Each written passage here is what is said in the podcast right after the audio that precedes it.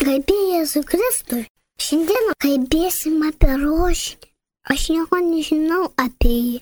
Žinau tik tiek, kad sveika Marija, man daug yra. O tu gal gali mums papasakoti? Tu didesnė už mane. Tu gal žinai, ką nors apie rožinį? Papasakok mums. Aš vaikai galvoju, kad rožinį galima labai įvairiai kalbėti. Pavyzdžiui, aš tai taip kalbu. Mes visi jau žinom, to aiškinti jau nebereikia, kad mes visi esame Marijos vaikai. Kaip tai Marijos vaikai? Paaiškink, nelabai suprantu. Aš mamos vaikas. Ai, tu kalbė apie dangaus mamytę, apie Mariją. Man į mamytę sakė, kad mes turim dangui motinėlį. Jis į mano mamos mama, net į močiutės mama. Man patinka tas. Na, apie tai mums kalba bažnyčia. Žinoma, jūs iš karto į pat paklausit, na, iš kurgi jis sužinojo? Ta bažnyčia iš kur sužinojo? O tam yra Evangelijos. Ir tenai Jėzus Jonui paliko Mariją ir sakė, štai tavo motina. O Marijai pasakė, štai tavo sunus. Mes daugelį laidelių apie tai kalbėjomės. Taigi, aš ir jaučiuosi Marijos vaikas. O jeigu aš vaikas, tai kaip aš būnu prie mamos, žinoma, prisiglaudusi. Ir aš būnu su ja visose jos gyvenimo situacijose, kadangi jeigu jinai mane paliks, aš verksiu, dar nosį nusibalnosiu, Aš prisiglaudus prie mamos, tada aš jaučiuosi saugi ir stebiu jos gyvenimą. Žinoma, jame aš daug ko nesuprantu. Pavyzdžiui, kad ir rožiniam. Aš prisiglaudus prie jos ir žiūriu, o jinai ten kažką tais dirba. Ji jaunutė, dar neištekėjus, bet man atrodo, ji ruošiasi tekėti. Ir aš taip stebiu, stebiu ir staiga nustembu. Pasirodo labai didelė šviesa prieš Mariją Marija irgi nustemba, mano motina nustemba. Ir aš žiūriu ir suprantu, kad kažkas vyksta dieviško. Tiksliau aš nieko nesuprantu. Angelas Gabrielius ją sveikina. Sako, sveika Marija. Na, ir man pasidaro linksma, nes aš žiūriu į Mariją ir matau jos nustebusias akis, ir matau jos klausiamą žvilgsnį. Aš dar labiau prisiglaudžiu prie jos ir stebiu, kas bus. Ir angelas jai pasako, kad ji bus Dievo sūnaus motina. Nieko nesuprantu, bet man ir nereikia suprasti. Man tiesiog reikia būti prie Marijos. Ir aš išgirstu jos sutikimą. Jinai sutinka būti motina, Jėzaus motina. Ir aš taip pat kaip tas angelas. Dešimt kartų jai kartoju, sveika Marija malonės pilnoji. Mano širdis pilna džiaugsmo. Mano Marija, mano motina, yra Dievo sūnaus motina. Ir ką ji daro toliau? Ogi ji eina pas savo pusėserę Elsbietą. Žinoma, mažų vaikų jinai nepalieka. Įsivaizduokite, visoj toj kelionėje aš vėl prisiglaudus prie jos. Ir mes keliaujam per kalnus, matom gamtą. Aš girdžiu, kaip Marija dėkoja Dievui už suteiktą jai malonę. Ir žinokit, vaikai, man labai smalsu, kaip jis susitiks su tą savo pusėserę. O pusėserė jai pasako, tu labiausiai palaiminta iš visų moterų ir palaimintas tavo iščių vaisius. Kas, kas? Iščių? Negirdėtas žodis. O žinot, ką reiškia iščios? Tai yra kambarėlis, pamamytė širdim, kuris yra pilnas kyščio. Ir naujagėmis po širdim, įsivaizduokit, plaukioja. Pamamytė širdim, jam yra kaip okeanas. Ir Jėzus taip plaukiojo, ir niekas dar aplink nežinojo, kadangi aš buvau prisiglaudusi prie Marijos. Aš jau žinojau, ji bus Dievo sunaus motina. Pasirodo, kažkokiu tai būdu tai žinojo ir Elsbieta. Nes jis sakė, iš kur man ta garbė, kad mano viešpatės motina aplanko mane. Ir aš su ją taip pat galvoju, o iš kur man ta garbė? O gal todėl, kad aš buvau prisiglaudus prie Marijos? Jos apsikabino, mane pamokydamos, kaip reikia elgtis su artimu. Ir Marija tarnavo Elsbietai. Nes Elsbieta po savo širdim nešiojo šventą Joną Krikščitoją, kuris taip pat turėjo gimti. Man jau čia visai įdomu. Ir vėl aš ilsiuosi prie Marijos ir jai kartoju dešimt kartų. Su jos pusės yra Elsbieta. Ir vėl jas džiaugsmingai sveikinu. Sveika Marija, malonės pilnoji, viešpas su tavimi nes aš žinau, kad viešpats gims iš Marijos. Ir todėl jinai yra pagirta tarp moterų. Aha. Man jau įdomu. O kaip toliau? Trečiasis rožinio slėpinys. Ir man jis joks neslėpinys, nes aš buvau labai labai arti Marijos, apsikabinus ją. Ir žinojau, turi gimti Jėzus. Šiam trečiam slėpiniai ir yra viešpatės Jėzaus gimimas. O čia vaikai fantastika. Man žinoma, su Marija vaikščioti nuo vienų namų prie kitų nelabai patiko, todėl kad jos nieks nepriėmė, aš norėjau šaukti. Jūs nežinot, ko jūs nepriimat. Tačiau vienų namų šeimininkas užleido jiems tvartelį. Ir ten gimė Jėzus. Bet vaikai, kokie nuostabus dalykai ten dėjosi. Bandykime įsivaizduoti.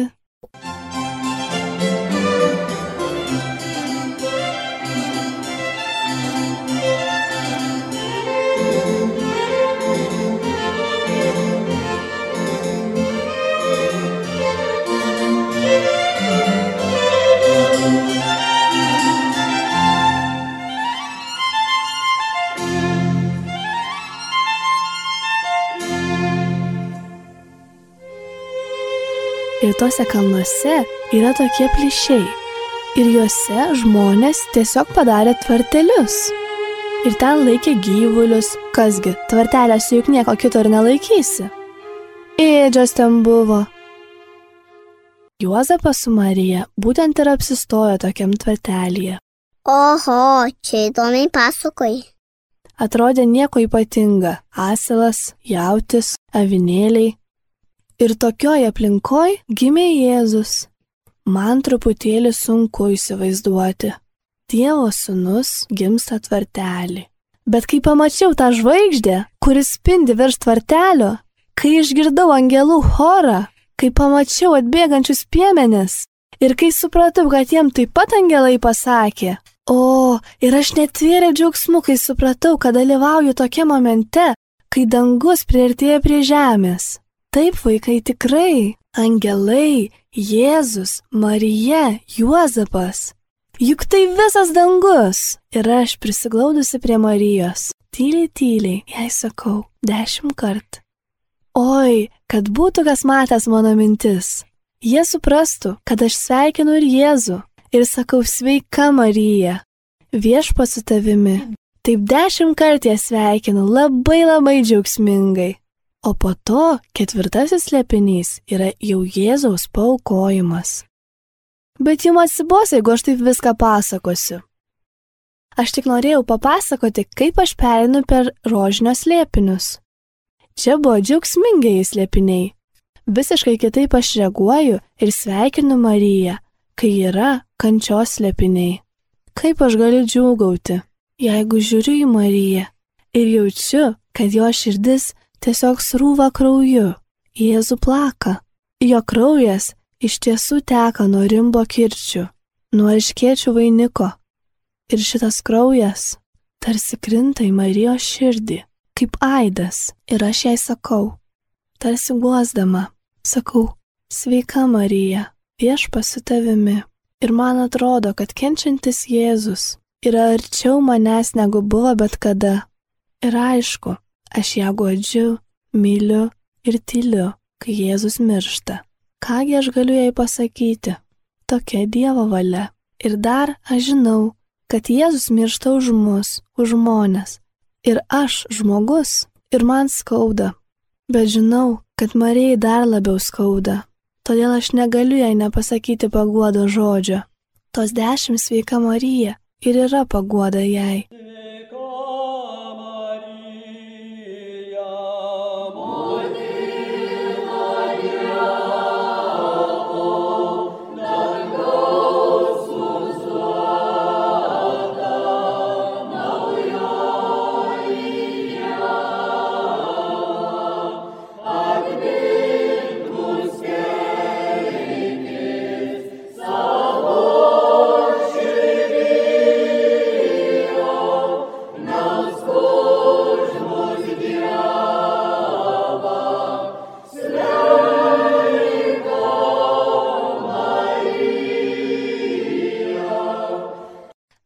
Garbės slėpiniai. Vaikai, čia aš net neturiu ką jums papasakoti, nes čia viskas vyksta dangui. O Dieve, mes net negalim įsivaizduoti, kas vyksta dangui. Aš įsivaizduoju, kaip Jėzus sutiko Mariją. Šventieji angelai. Kiek ten buvo džiaugsmo. Juk paprastose mūsų šventėse būna labai daug džiaugsmo. O čia dangus. Be abejo, jeigu aš esu arti Marijos širdies, aš stengiuosi dalyvauti dangiškam džiaugsme ir su džiaugsmu kartoju. Sveika Marija, malonės pilnoji. Ir žinau, jeigu Marija paimta į dangų, toks kelias laukia ir mūsų. Dangus atidarytas mum, mes taip pat pateksim į dangų. Tačiau mums reikia būti panašiem į Mariją. Vaikai,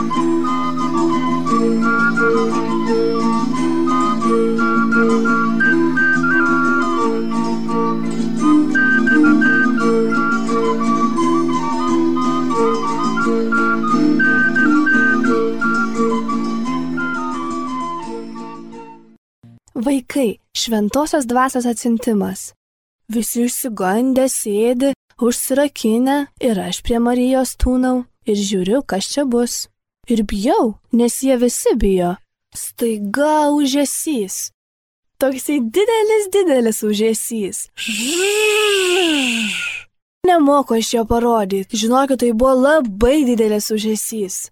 Ir dar kas buvo, tarsi ugnies liežuvė ant kiekvieno nusileido. Ant mane žinoma ne, tuo momentu ne.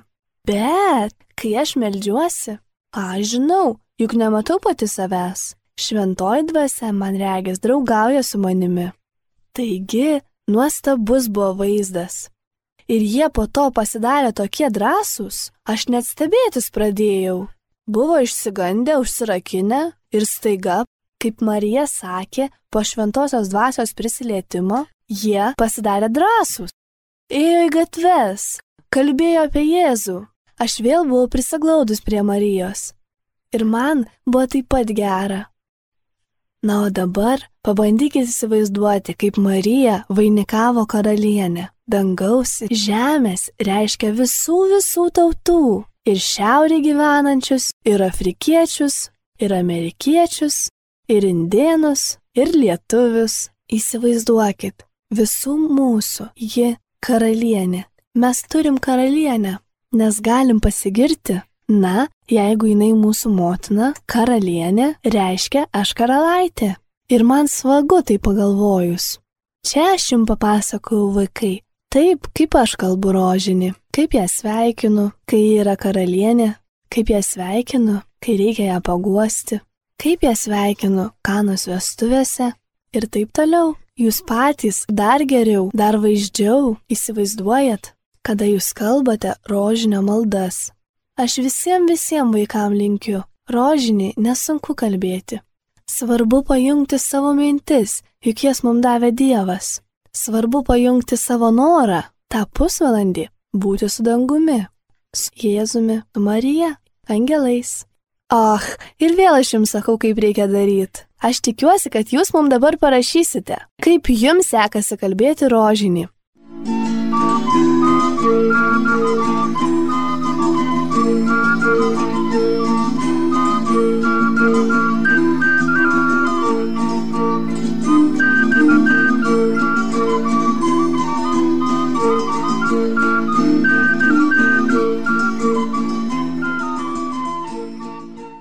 jeigu esi labai labai mažas ir dar nesugebi kalbėti sveika Marija maldų, tegul tavo mamytė papasakoja slėpinio turinį kaip gražų pasakojimą, o tu imk rožinį į rankas ir ant kiekvieno karaliuko pasakyk Jėzau, aš myliu tave, Marija, dėkoju tau, ar džiaugiuosi tavim, kaip norit. Čia vadinamas tinginukų rožinis, trumpas.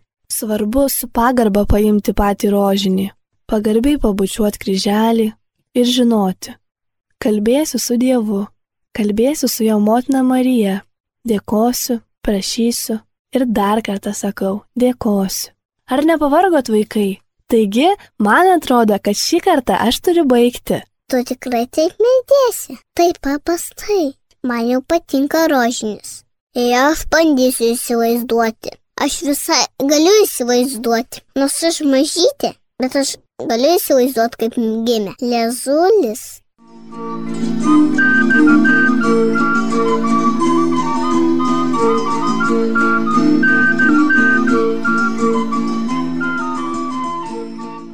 O koks jūsų vardas? Mano vardas Agnė Sabaliauskaitė ir aš jau truputį daugiau paaugusi. Tačiau dar esu moksleivė. Ir labai džiaugiuosi, kad jūs pakviečiat mane į vaikų laidas. Labanakt vaikai, nepamirškit, kalbėkim rožinį, mylėkim Jėzų, Mariją, angelus ir visą visą dangų.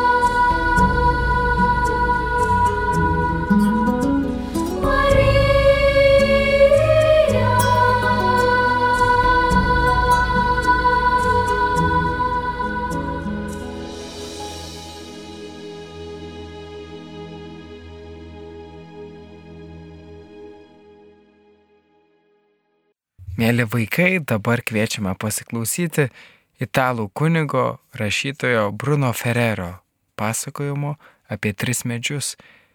Perskaitys aktorė Audronė Daugelytė Grebliauskenė. Trys medžiai. Kalno šlaituose žaliavo ganyklos, sakais kvepėjo pušis. Vieną dieną jo viršūnėje išdygo trys medeliai.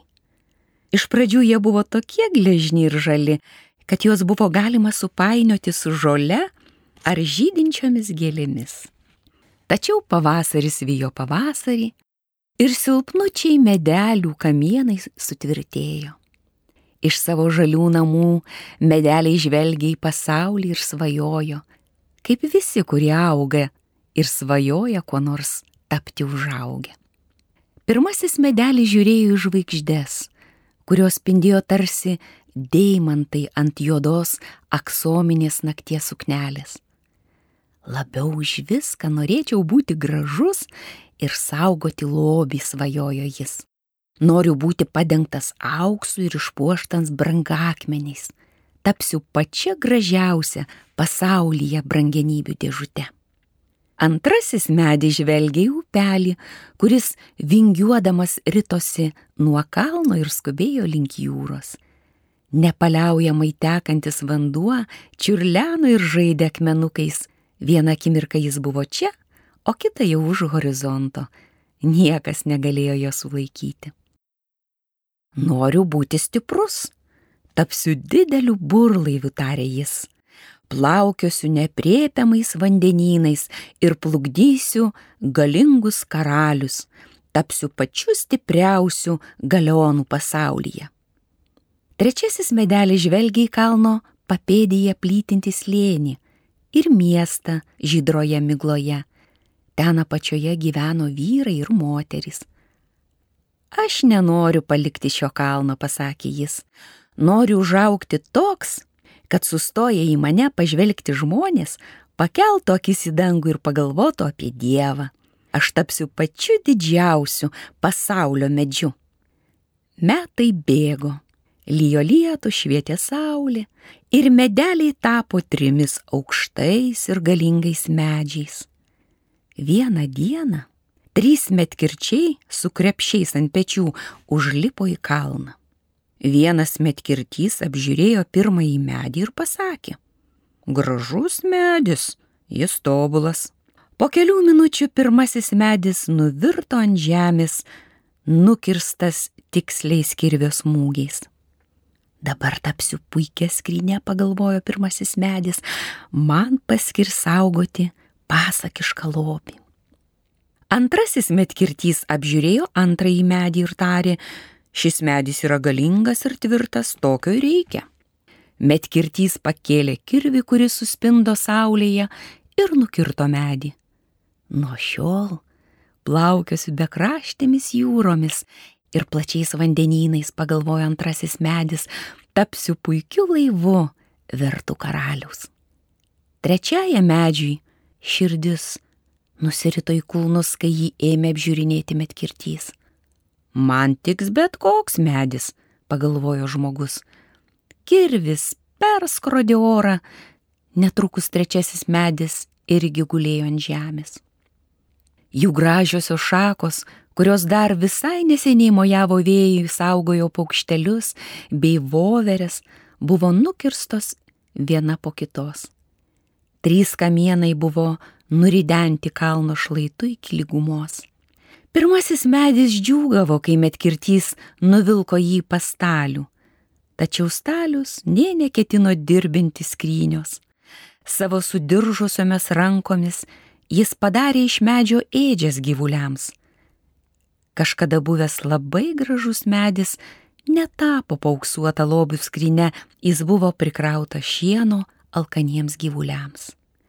Antrasis medis nusišypsojo, kai metkirtys nuvežė jį į laivų statyklą. Bet tą dieną niekas nesirengė statyti burlaivio.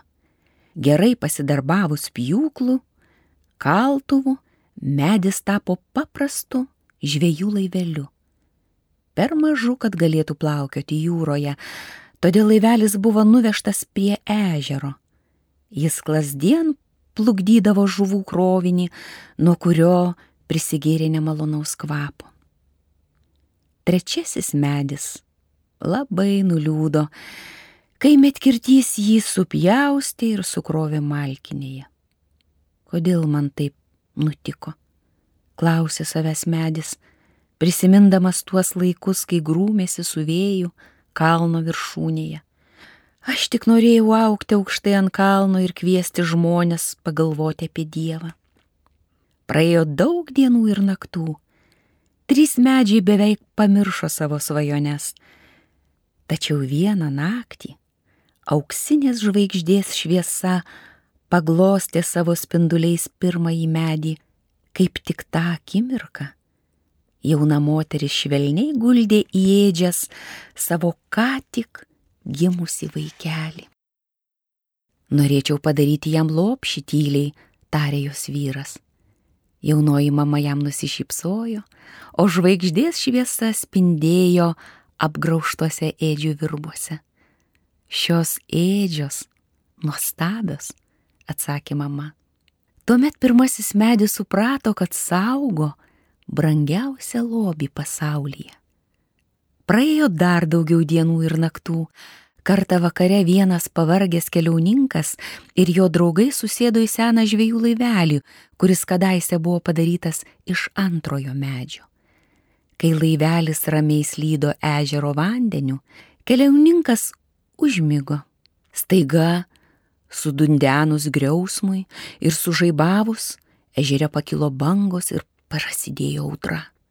Mažasis laivelis drebėjo. Jis žinojo, kad jam nepakaks jėgų saugiai perkelti tiek žmonių, šėlstant vėjui ir plakant piktoms bangoms. Laivelio šonai skausmingai girgždėjo. Susirūpinę draugai pažadino paslaptingąjį keliauninką. Vyras atsikėlė, ištiesi rankas ir sušuko vėjui bei ežero bangoms - tylos, nurimkite. Audra nedelsiant nurimo ir stojo didi tyla. Ta akimirka antrasis medis suprato, kad plukdo dangaus ir žemės ir bekraščių vandenynų karalių. Praėjo dar šiek tiek laiko ir vieno penktadienio rytą trečiasis medis labai nustebo, kad buvo ištrauktas iš bjaurios malkinės iš jo padarė kryžių. Kryžius buvo nuneštas pro triukšmingą ir piktaminę ir uždėtas ant vieno žmogaus pečių. Paskui jis buvo prie to kryžiaus prikaltas. Vargšas medis jautėsi siaubingai, jis verkė, laikydamas vargšą iškankintą kūną. Tačiau sekmadienį, kai saulė pakilo aukštai danguje, ir visa žemė suvirpėjo nuo begalinio džiaugsmo. Trečiasis medis suprato, kad Dievo meilė viską pakeitė. Pirmasis medis tapo skrinė pačiam didžiausiam, nuostabiausiam lobiui. Antrasis medis plukdė karalių, dangaus ir žemės kurėją. Trečiojo medžio svajonė taip pat išsipildė. Kiekvieną kartą, kai žmogus pagalvoja apie kryžių, jis pagalvoja apie Dievą.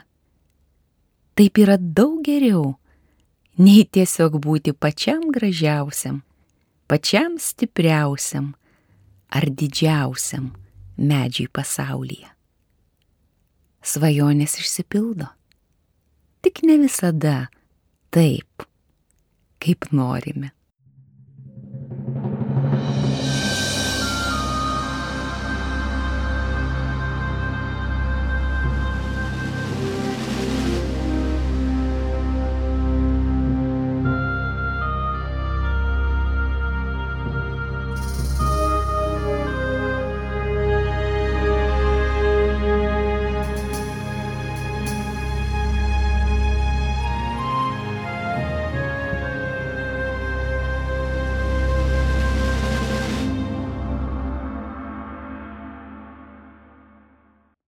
Va, šiandien laideliai baigėsi. Labos jums nakties, gražių saknelių ir didelės draugystės su angelais.